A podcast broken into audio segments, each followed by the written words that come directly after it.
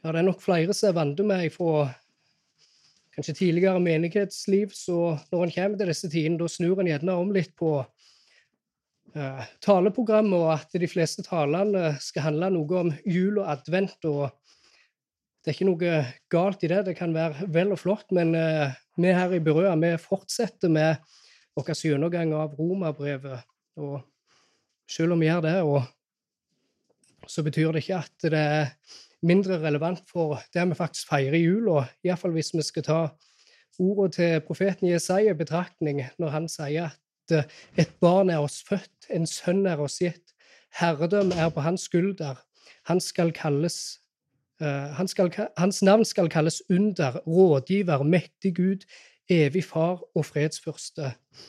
Herredømme, altså myndighetene, hviler på Jesus sine skuldre. Og da er jo det som vi fikk høre sist gang i forbindelsen av Romeren 13, og det vi også skal se på i dag, så er det veldig relevant for det som profeten Jesajas snakker om når han snakker om dette barnet som blir født, at herredømmet hviler på hans skuldre. Men la oss nå lese dagens tekst, som er fra Romerne 13, vers 6 og 7. Og vi leser Derfor betaler dere også skatt, for de som hele tiden tar seg av nettopp dette, er Guds tjenere. Gi alle det dere skylder dem. Skatt til den som skal ha skatt, toll til den som skal ha toll. Frykt den som skal vises frykt, og gi ære til den som skal ha ære. For en liten stund siden så kom jo skattelisten ut, og det var nok flere som satt på mobilene sine og kikket på dem for å se hvem som lå på toppen i de forskjellige kommunene osv. Når det kommer til dette med skatt, så er jo dette noe som spesielt voksne diskuterer om og liker å snakke om og er veldig opptatt av. De som har jobb, de som har huslån å betale eller billån å betale osv. Folk har ofte ulike meninger om skatt.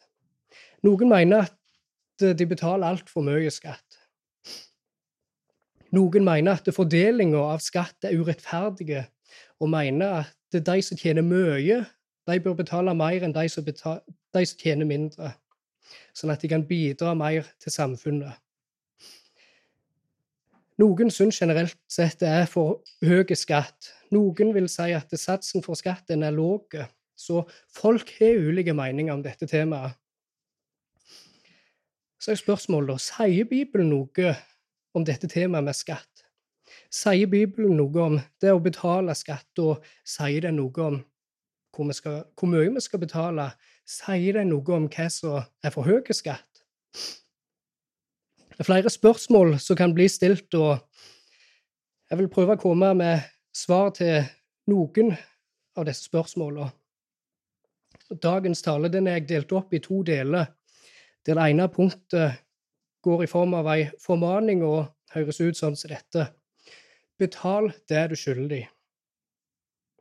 Og det andre punktet er satt opp i form av et spørsmål og høres sånn ut. Er det mulig for staten å begå tyveri? Og nå er det jo sikkert flere som helst jeg bare skal gå rett i gang på, og, på spørsmål nummer to, eller punkt nummer to og svare på om det er mulig for staten å begå tyveri. Men jeg begynner med punkt nummer én, for kort oppsummert så er jo det som jeg eh, ga tittel for det punktet, det er i korte trekk det Paulus vil forklare i denne teksten for oss. Betal det du skylder de. Så kommer heller spørsmålet i punkt nummer to som er et mer naturlig spørsmål etter dette. Og Sist søndag så fikk vi høre om de ulike institusjonene som Gud har innsett. Familie, kirka og staten med størst vekt på de statlige myndighetene. Vi så at Gud er innsett de statlige myndighetene til å bevare fred, beskytte de som gjør godt, og straffe de som gjør vondt. For som Paulus sa, den er en Guds tjener, en hevner som skal bringe vrede over den som gjør vondt.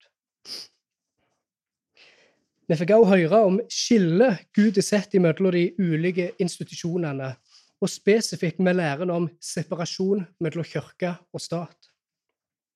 så lærer det at staten den skal ikke utføre kirka sin oppgave. Og samtidig så skal heller ikke kirka utføre staten sin oppgave. Det er ikke kirka sin oppgave å bære sverdet og straffe de som gjør vondt. Og Samtidig er det heller ikke staten sin oppgave å forrette nattvær eller å døype. Men de ulike institusjonene har sine særegne oppgaver og myndighetsområder.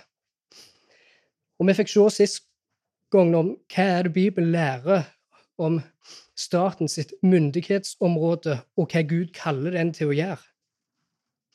Og vi fikk også se mer av et, eh, et aspekt av det hvordan vi skal forholde oss til disse myndighetene som Gud har innsett. Og i dag skal vi se videre hvordan vi skal forholde oss til det å betale skatt. Det er så viktig å huske på når vi leser denne teksten, så er jo dette i likhet med, det som, eh, med den teksten som Håvard eh, hadde sist, og som han også nevnte i talen, at det, dette er en preskriptiv tekst som forteller gir oss en standard for hvordan noe skal se ut. Gud gjennom Paulus fortalte sine lesere om hvordan er det en stat skal fungere, med å beskytte de som gjør det godt, og straffe de som gjør det vondt.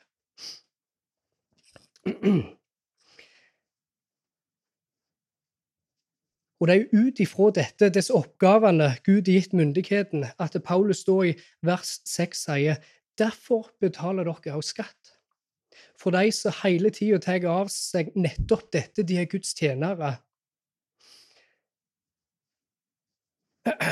Ikke bare er disse versene som vi har i dag, en preskriptiv, preskriptiv tekst, men disse versene er også en sammenheng med versene som kom før. Så beskriver de statlige myndighetene som en Guds tjener for deg til det som er godt, men også en, en Guds hevner over de som gjør det vonde. Paulus han har vist dere hva statens rolle er. Og det er jo som jeg sa, nettopp på grunn av dette at Paulus sier derfor betaler dere skatt. Som en betaling for en tjeneste. Bibelen lærer oss at det er statens rolle å beskytte deg, ditt liv, din frihet og din eiendom. Den skal sørge for at du kan gå ut i gata midt på natta, om det så var med pengetaske full av penger, og at du skal kunne gjøre det uten å måtte frykte for å bli rana. Staten skal bevare fred i landet og sørge for at du kan leve et stille og fredelig liv i all gudsfrykt og ærbødighet. Men for de som gjør vondt, de som bryter loven, så har Gud gitt et mandat til de statlige myndighetene å straffe de som gjør urett, og det er ut ifra Guds standard ikke fra sin egen standard for hva de mener er rett og galt, men ut ifra Guds standard. For de er som har sitt, de er en Guds tjener. De skal være Guds representanter her på jord for å utøve hans vrede. Og denne jobben er ikke en jobb som bare gjelder i helgene, da mange folk reiser ut på byen og ender opp i slåsskamp og etter hvert gjerne ender opp på arresten. Men dette er en kontinuerlig jobb. En jobb som må tas på rolle hver dag av staten, sånn at de kontinuerlig sørger for at du kan få leve i frihet, og at de kontinuerlig er på pass for de som utøver vondskap. Og dette, det koster penger. Det er ikke gjort på dugnad. Dette er en hard jobb som krever gode menn. Og nettopp på grunn av de statlige myndighetene sin rolle og jobb, så Paulus har vist dere de siste versene, så sier han at eh, derfor betaler dere også skatt. Og han sier jo det at eh, dere betaler skatt til de som kontinuerlig jobber med dette.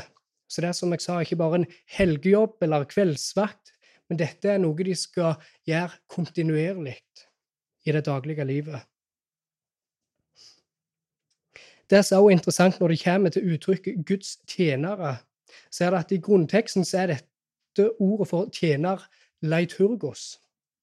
Og det er samme type ord som Paulus bruker om seg sjøl i Romerne 15, 16. Og for de som noterer, kan, kan en bare notere det verset, Romerne 15, 16, der det står at, uh, at jeg skulle være en Jesu Kristi tjener, leiturgon, i grunnteksten, bare en annen vridning på samme ord, overfor hedningefolkene og gjøre prestetjeneste for Guds evangelium. I Filipperbrevet 2,25 så kan vi lese om Epafroditus, at han blir omtalt som Filippermenigheten sin tjener. Og der er det ordet leiturgon som blir brukt.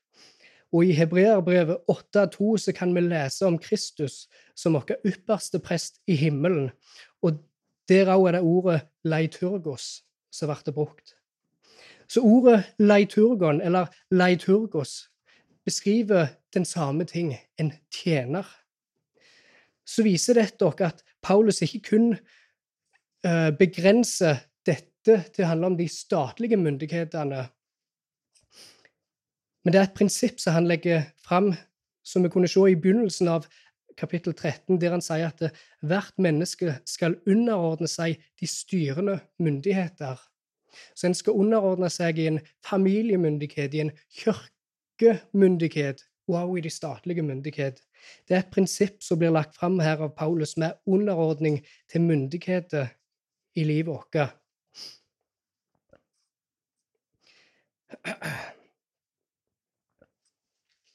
Så det er et prinsipp med underordning, og det er også et prinsipp som blir lagt fram her av Paulus, at de som er innsatt som Guds tjenere, enten om det er i det statlige, eller for de som, som er innsatt som pastor eller prest, så har de begge en gudgitt rett til å få lønn for sin tjeneste. Og det er jo også som vi kan lese fra vers 7 av i dagens tekst. Gi alle det dere skylder dem, skatt til den som skal ha skatt, toll til den som skal ha toll, frukt, uh, frukt den som skal vises frukt, og gi ære til den som skal ha ære. Paulus konkluderer jo egentlig hele poenget sitt her i begynnelsen av vers 7 og sier gi alle det dere skylder dem. Gi dem det de skal ha. For de som er i styrende posisjon, er innsett der av Gud og har rett på både lønn, men også å bli vist ære for deres jobb. Og Dette ser vi også igjen spesielt med tanke på pastorer. I 1. Timoteus 5,17 så er kalt til å gi dem dobbel ære til de som jobber med læren. Så Paulus konkluderer jo egentlig hele poenget sitt her med det som vi leser i begynnelsen av vers 7. Gi alle det dere skylder dem. Vær gode borgere, sier Paulus. Vær lydige. Vis respekt. Vis ære. Vis frukt. Og betal de som er innsatt av Gud i en ledende stilling. Og spesifikt med tanke på dagens tale, så skal vi også betale skatt til staten. Jeg tror ofte det er tilfellet for mange kristne når en leser denne teksten, eller leser gjerne fra Matteus 22 når Jesus sier 'Gi keiseren hva keiserens er', og 'Gud hva Guds er'. Så tror jeg at en del kristne, og det vil jeg også si ut ifra samtaler jeg har hatt med andre kristne om dette temaet, så leser en hva Paulus sier her i Romerne 13, som sier at vi skal betale skatt til Guds tjenere vi skal betale skatt til staten. At vi faktisk skylder, skylder de å betale skatt. For de har fått både mandatet fra Gud, og de har fått retten på lønn. Og Ut ifra det så vil gjerne mange konkludere med at eh, samme hva som er skatten i landet, så er det en rett mengde skatt å betale. Det blir opp til, den, til de ulike statlige myndighetene i de forskjellige landene til å sette standard for hva som er en rett skatt. Så det, ja, og det er opp til myndigheten å diktere hva som er en rett form for, uh, rette form for beskatning, uten at de trenger å grunne det ned i en objektiv standard. Og etter en del samtaler med kristne om dette, her, så vil jeg si det virker som en del kristne oppfører seg helst litt som deister når det kommer til dette temaet. Deisme er kort forklart tanken om at Gud har skapt jorda for så å overlate skapningen til seg sjøl, uten å gripe inn i historiens gang. For etter samtaler jeg har hatt med andre om dette temaet, så snakker de som om Gud han er innsett de styrende myndighetene. Men det er opp til hvert enkelt myndighet å definere hva som er rett og galt, til og med når det gjelder skatt. Og jeg vil kalle dette en veldig ubibelske tanke. For Bibelen lærer oss det at Gud er veldig aktiv med det som skjer i verden. Gud, som vi har sett tidligere i Romerbrevet, han er i en prosess med å frelse denne verden. Han er i en prosess med å breie ut sitt rike og sitt styre her på jorda. Han gjør det gjennom sin sønn Jesus Kristus. Han som er blitt gitt all makt i himmel og på jord, og at all myndighet hviler på Jesus sine skuldre. Og Gud, han har innsett visse styrende myndigheter i vårt samfunn, som han sjøl setter standarden for hvordan de skal opprettholdes og fungere. Gud han oppretter ikke bare enden, men han gir også midler for å komme til enden. Og I dette tilfellet så er de forskjellige styrende maktene, eller de forskjellige styrende myndighetene, midler som Gud er innsett for å få et velfungerende samfunn. Vi er blitt formalt av Paulus til å være gode borgere og betale skatt. Den er grei. Men så er dere gjerne spørsmål da om hva sier Bibelen om skatt i seg sjøl, sier det noe om hvor mye som er rett å betale? Har Gud bare overgitt ansvaret til mennesket å definere hva som er en rett standard for uh, beskatning? Og er da all form for skatt rettferdig? Hvis, men hvis ikke, kan staten da, ut ifra Guds ord, kreve for mye skatt? Og kan den da begå tyveri. Og dette leder dere inn på det neste punktet i talen. Er det mulig for staten å begå tyveri? Hvis du spør en person i dag om han hun, hva han eller hun tenker om skatt, så er jo ofte svaret du får, ja, uff, vi betaler jo altfor mye skatt i dette landet. Det er så mye som blir sløst vekk. og Så de sier på Jæren det er så gale. Det vi da bør spørre vedkommende om, er ut ifra hvilken standard er det du mener du betaler for mye skatt? Mener du at du betaler for mye skatt bare for du vil ha mer av dine egne penger for deg sjøl? Har du bare dine egne interesser i tanker og vil ikke bidra økonomisk på noen som helst måte?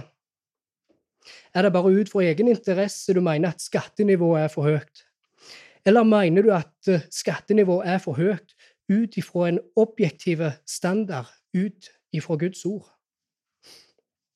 Det er spørsmål vi kan stille hverandre, men også oss sjøl. Hvorfor mener vi det vi mener? Er det av at det føles rett for meg, eller er det av at Gud har sagt noe om dette? Gud har talt. Noen av disse spørsmålene som jeg stiller, vil jeg prøve å svare på.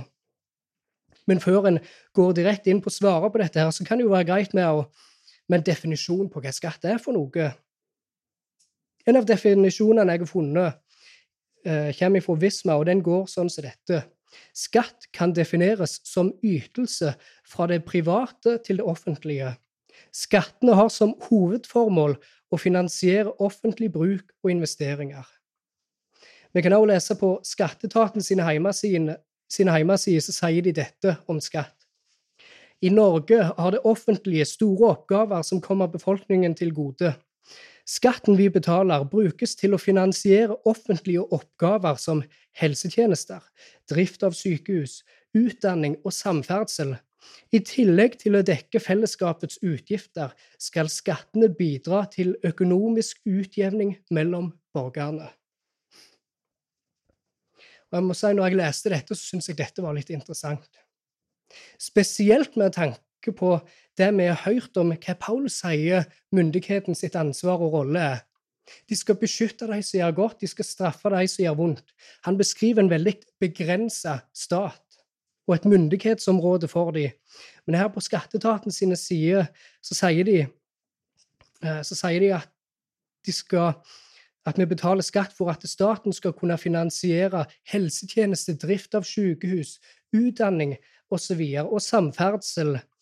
Og i tillegg til, å, uh, til en økonomisk utjevning mellom borgere. Jeg skal prøve å bekjempe klasseskillet. Og for å drifte alle disse tingene, da, samferdsel, sykehus, utdannelse, så vil dette koste mye penger. Og hvordan finansierer de dette? Jo, mer skatt. Og da blir det kanskje greit å stille spørsmålet sier Bibelen noe om hvor mye vi skal betale i skatt?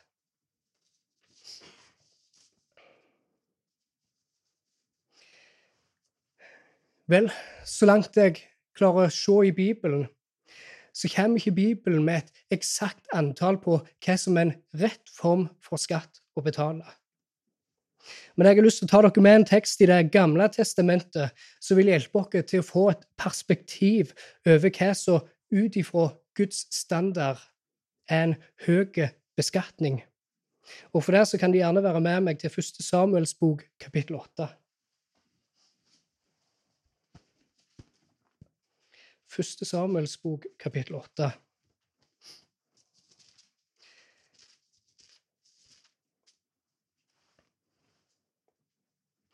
Og Dette er en tid der profeten Samuel har sitt virke som både profet og dommer i Israel. og Israel er jo på denne tida trua av mange fiender på helst alle kanter, men spesielt av filisterne. Og Når Samuel da blir en gammel mann, så setter han sine sønner til å være dommere i landet. Men de vandra ikke på samme sti som Samuel. De vandra ugudelig. Og de eldste i Israel de samla seg og kom med et ønske til Samuel. Og om dette ønsket kan vi da lese ifra vers 5 av i kapittel 8. De sa til ham, Se, du er gammel, og dine sønner vandrer ikke på dine veier.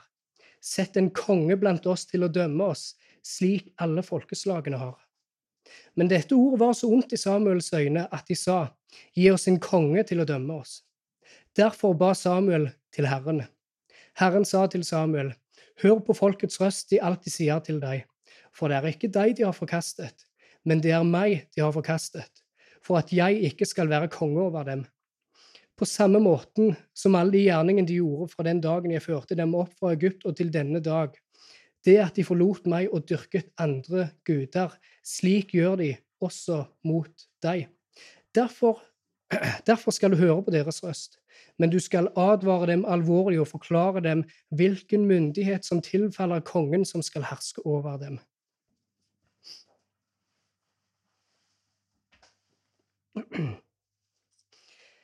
Det er mange interessante ting en kan se i den teksten og i det kapitlet. og For å begynne en plass, så er vi jo vant med å tenke at det var vondt i, i eh, Guds øyne at de i det hele tatt bare ba om en konge. Men legg merke til at de spesifikt ønsker seg en konge sånn som de andre nasjonene. De vil ha en konge akkurat som de andre folkeslagene. Det som var vondt i Herrens øyne, det var at de ville ha en konge som, sånn som de andre nasjonene hadde. Det var ikke bare vondt, det var ikke det at det var vondt i seg selv at de ville ha en konge, for Gud hadde allerede tidligere i loven gitt en kongelov fra 5. Mos, som jeg kan lese i 5.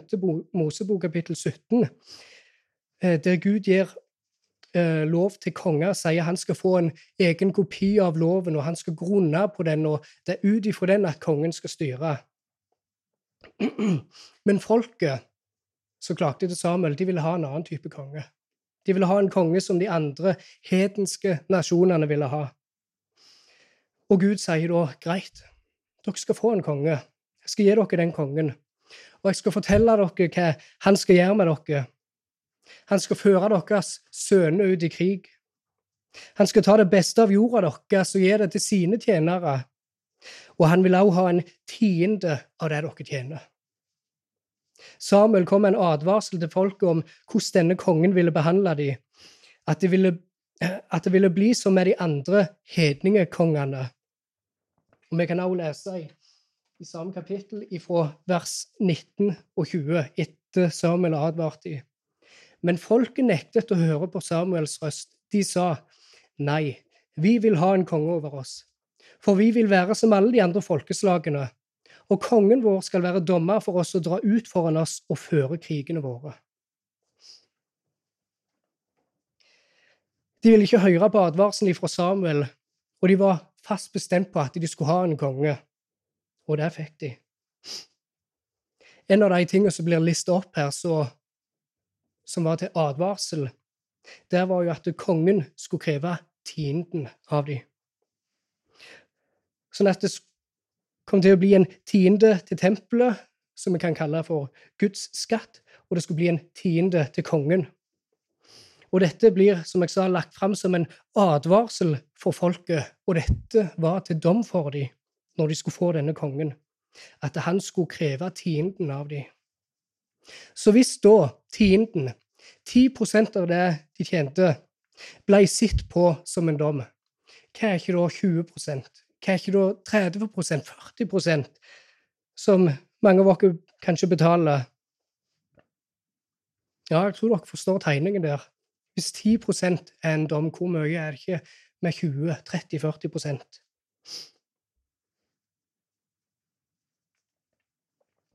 Så så langt jeg klarer å se, så gir ikke Bibelen et spesifikt tall på hva som er en rette form for beskatning. Men ut ifra teksten i første Samuels bok så kan vi forstå, forstå at noe er gale når vi betaler mer enn 10%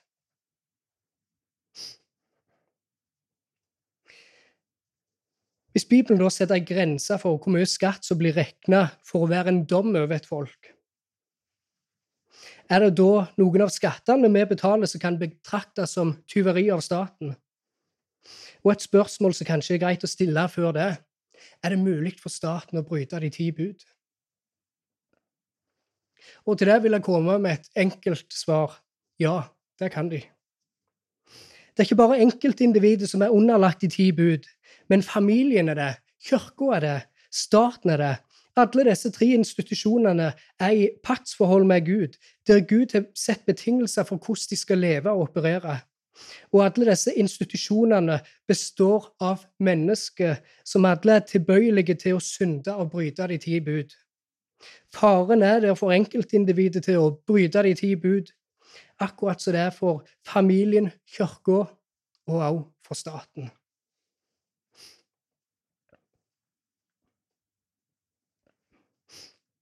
Og Mennesker som jobber i de statlige myndigheter, de kan komme med lovforslag, innsette nye lover som går motsatt vei av det Guds lov sier.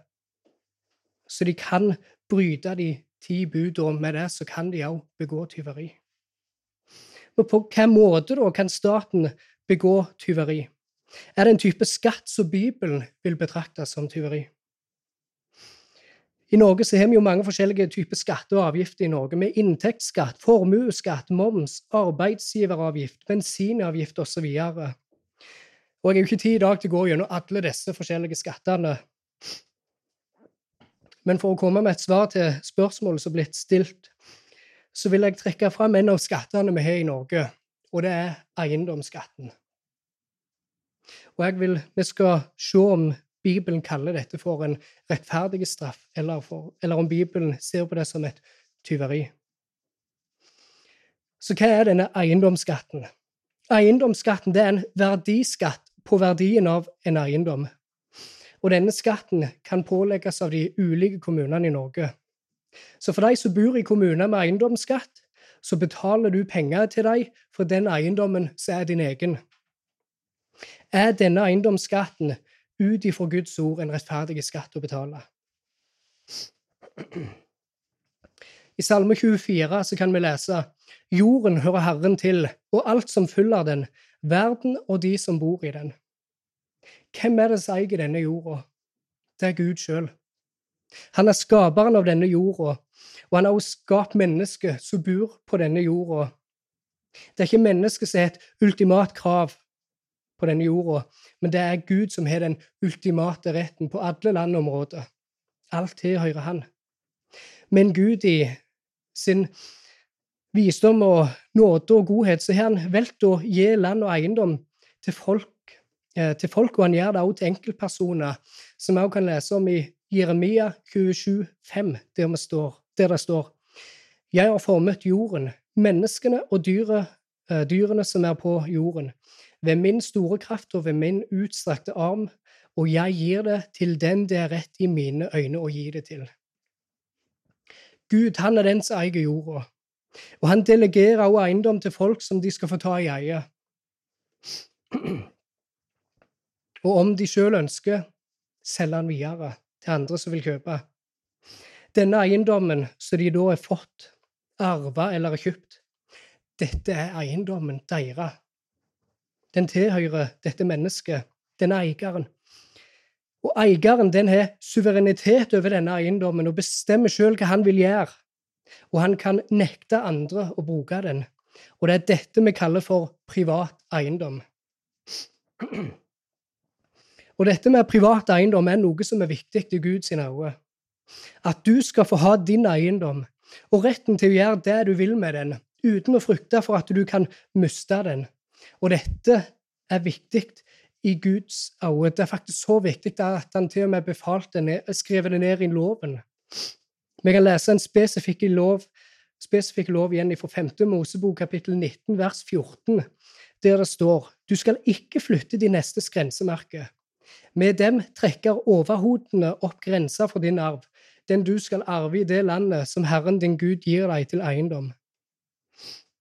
Så viktigheten av privat eiendom og anerkjennelse av dette prinsippet er til og med nedskrevet i de ti bud. For vi kan lese om det tiende budet. Du skal ikke begjære din nestes hus. Du skal ikke begjære din nestes hustru, tjener eller tjenestekvinne, okse, esel eller noe som hører din neste til. Du skal ikke misunne eiendommen til de neste. Du skal ikke misunne det som hører til han.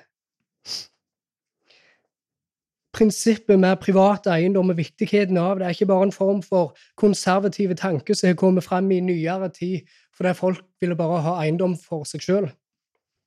Men det er et guddommelig prinsipp som er felt ned i Guds lov. Og Gud ser også veldig alvorlig på det når noen prøver å enten flytte grensemerket eller hvis noen vil hevde at de har like mye rett på din eiendom som du har. Og dette gjelder også om staten skulle tenke sånn om din eiendom.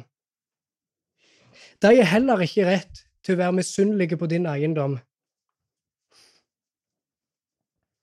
Så dette prinsippet, denne loven, gjelder også for staten. Gud ser veldig alvorlig på det når enten enkeltpersoner eller når en stat med makt prøver å ta det som en mann sin eiendom. Og Jeg vil også vi skal se på en, historie i Bibelen som snakker om akkurat dette. Og Da kan du være med meg til første kongebok, kapittel 21. Første kongebok, kapittel 21.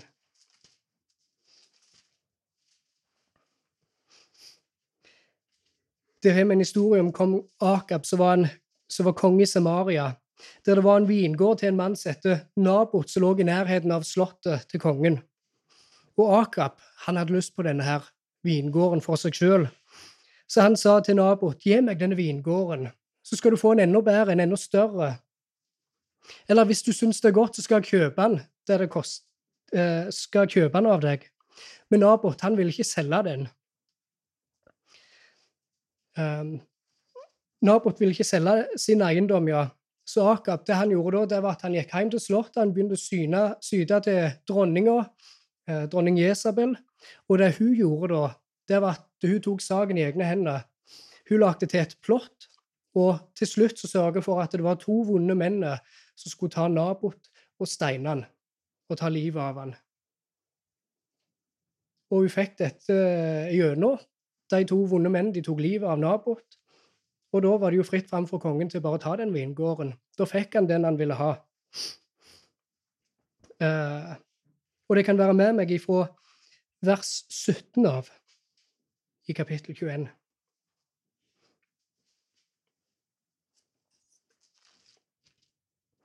Nei, skal vi se, når jeg skriver feil.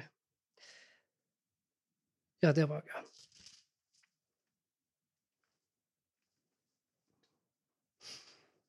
Da kan vi se konsekvens. Hvordan er det Gud reagerer på denne handlingen til kongen? Da kom Herrens ord til eh, tishbitten Elia, og han sa:" Bryt opp og gå ned for å møte Akab, Israels konge, han som bor i Samaria. Der er han, i vingården til Nabot. Han har gått ned for å ta den i eie. Du skal tale til ham og si, så sier Herren, har du både myrdet og tatt i eie? Du skal tale til ham og si, så sier Herren, på det samme stedet hvor hundene slikket opp blod etter Nabot, skal hundene også slikke opp blod etter deg. Ja, sannelig, etter deg. Så sa Akab til Elia, har du funnet meg, du min fiende? Han svarte, jeg har funnet deg fordi du har solgt, eh, solgt deg til å gjøre det som er ondt i Herrens øyne. Se, jeg vil føre ulykke over deg. Dine etterkommere skal jeg rydde bort, og fra Akab skal jeg utrydde hver mann i Israel, både slave og fri. Jeg skal gjøre med ditt hus som med Jeroboam, Nebats sønns hus, og som med Basha, Akias sønns hus, uh, siden du egget, vre, du egget vreden og fikk Israel til å synde. Herren talte også om Jesabel og sa, Hundene skal ete Jesabel ved muren til Israel. Hver den som tilhører Akab og som dør i byen, skal hundene ete. Og fuglene under himmelen skal ete hver den som dør på marken. Seinere kan vi lese fra samme kapittel om at eh, Akab han omvendte seg, og Gud viste han faktisk nåde, men han lot dommen som Gud had, allerede hadde satt, han lot han komme over sønnen til Akab. Men her ser vi hvor alvorlig det er i Guds øyne når mennesker raner til seg andre folk sin eiendom. Og i dette tilfellet kongen sjøl. Når staten sjøl raner til seg en eiendom som ikke tilhører, som ikke tilhører deg, men tilhører en annen. Og denne handlingen var så alvorlig i Guds øyne at det til og med fortjente døden. Så i dette tilfellet så blir det veldig konkretisert prinsippet om privat eiendom, og hvor høyt Gud beskytter en manns eiendom, og at det er en synd imot Gud å prøve å ta det med makt.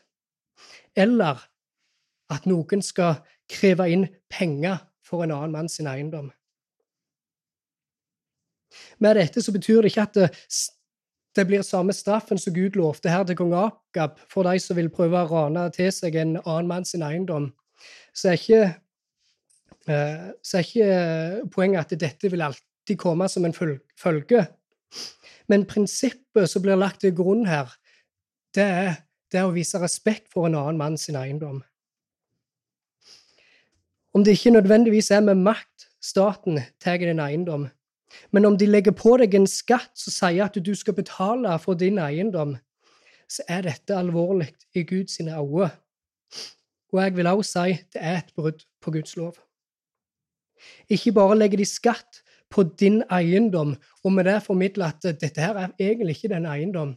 Du leier det bare av oss, så vi skal fortsette å ta betaling for det. Så ikke bare legger de skatt på din eiendom, men ultimat sett så skattlegger de en eiendom som tilhører Gud. De skattlegger Gud. Og dette er ikke en rettferdig form uh, for skatt, men jeg vil si det ligner mer på tyveri.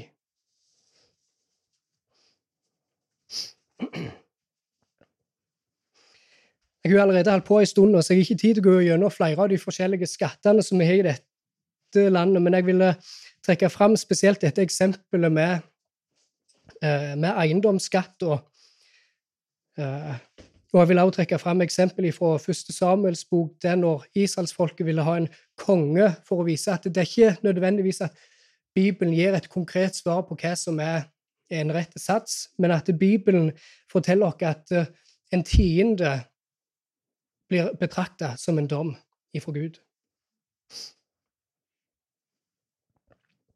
Vi har også sett at det faktisk har vært mulighet for staten at de ut ifra Guds ord kan begå tyveri mot sin befolkning, som eksempelet fra første kongebok viste. Og hva er det da hva er det i det hele tatt som ligger til grunn for at noe kan være tyveri? Det er privat eiendom. Og det gjelder ikke bare jord, hus, bil. Det gjelder alt som tilhører deg. Det er din private eiendom.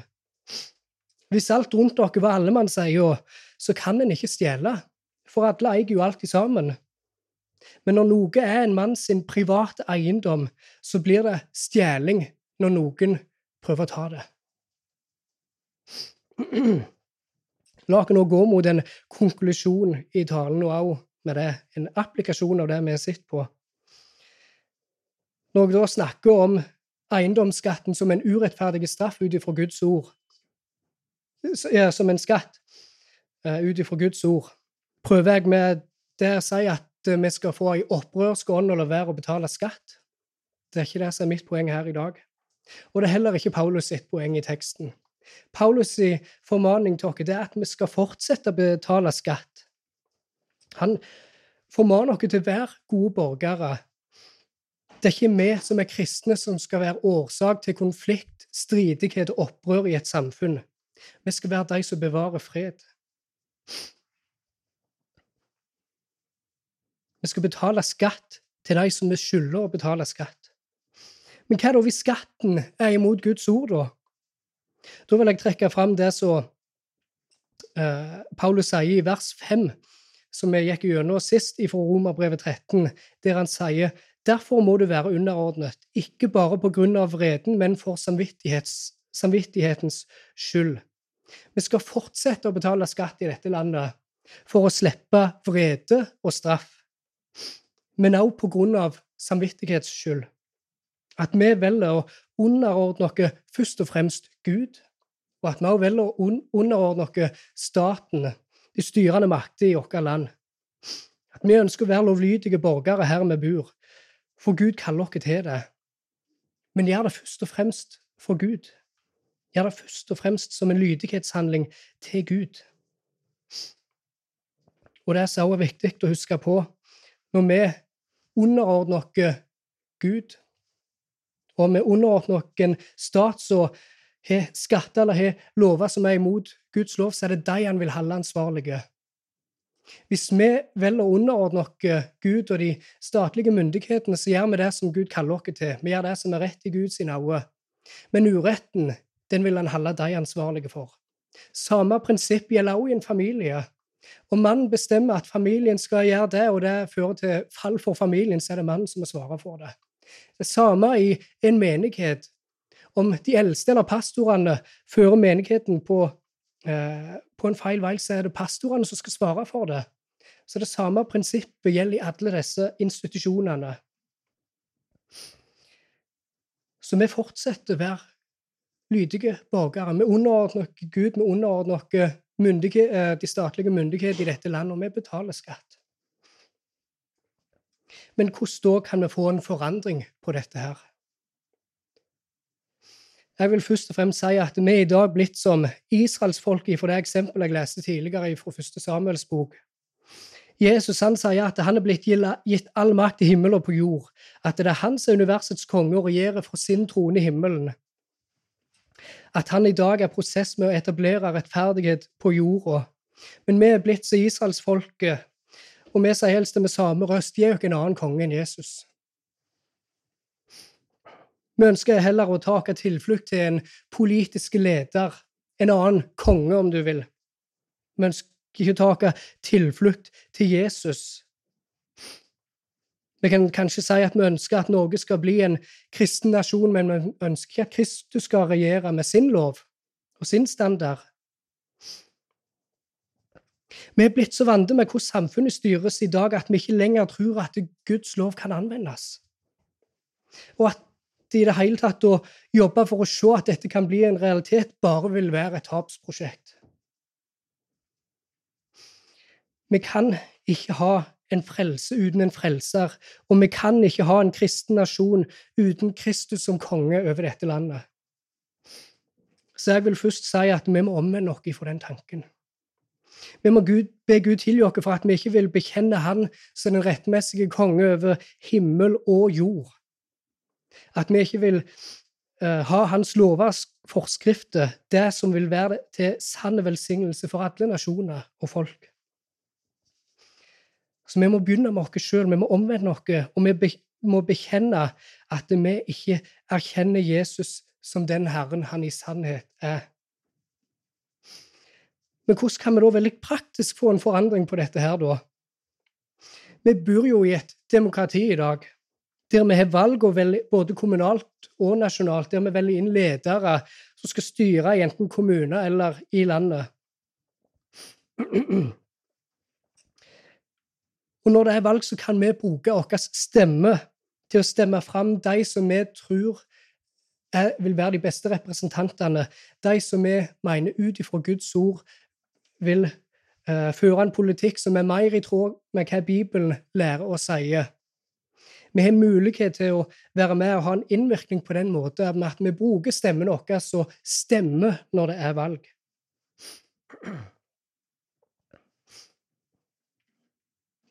En veldig praktisk måte eh, som vi kan jobbe med for å få en forandring på dette her. Og poenget mitt er ikke at det skal oppfordre alle til å bli politikere, men poenget mitt her er at eh, vær en kristen.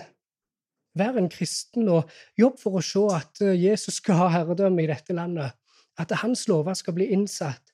Hans rettferdighet skal bre seg her på jord.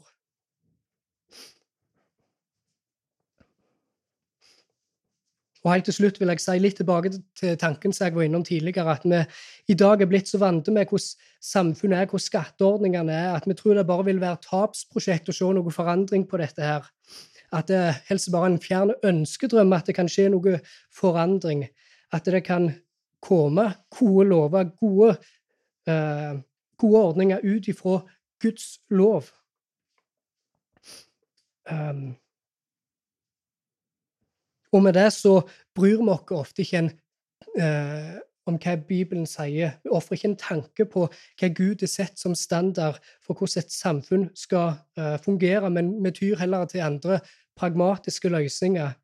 Og hvis vi bare ser på dette her som et tapsprosjekt, så jeg har lyst til å bare minne dere på og oppmuntre dere med hva profeten Jesaja sier. Det mest kjente verset nå i juletidene. Herredømmet skal bre seg vidt, og freden skal være uten ende over Davids trone, over hans kongerike, for å grunnfeste det og holde det oppe ved rett og rettferdighet, fra nå av og til evig tid. Og hør nå, Herrens nidkjær, herskarenes herres nidkjærhet skal gjøre dette. Gud skal gjøre dette. Gud skal innføre dette. Det er han som skal sørge for, å, for forandring i samfunnet og han inviterer oss til å være med på det.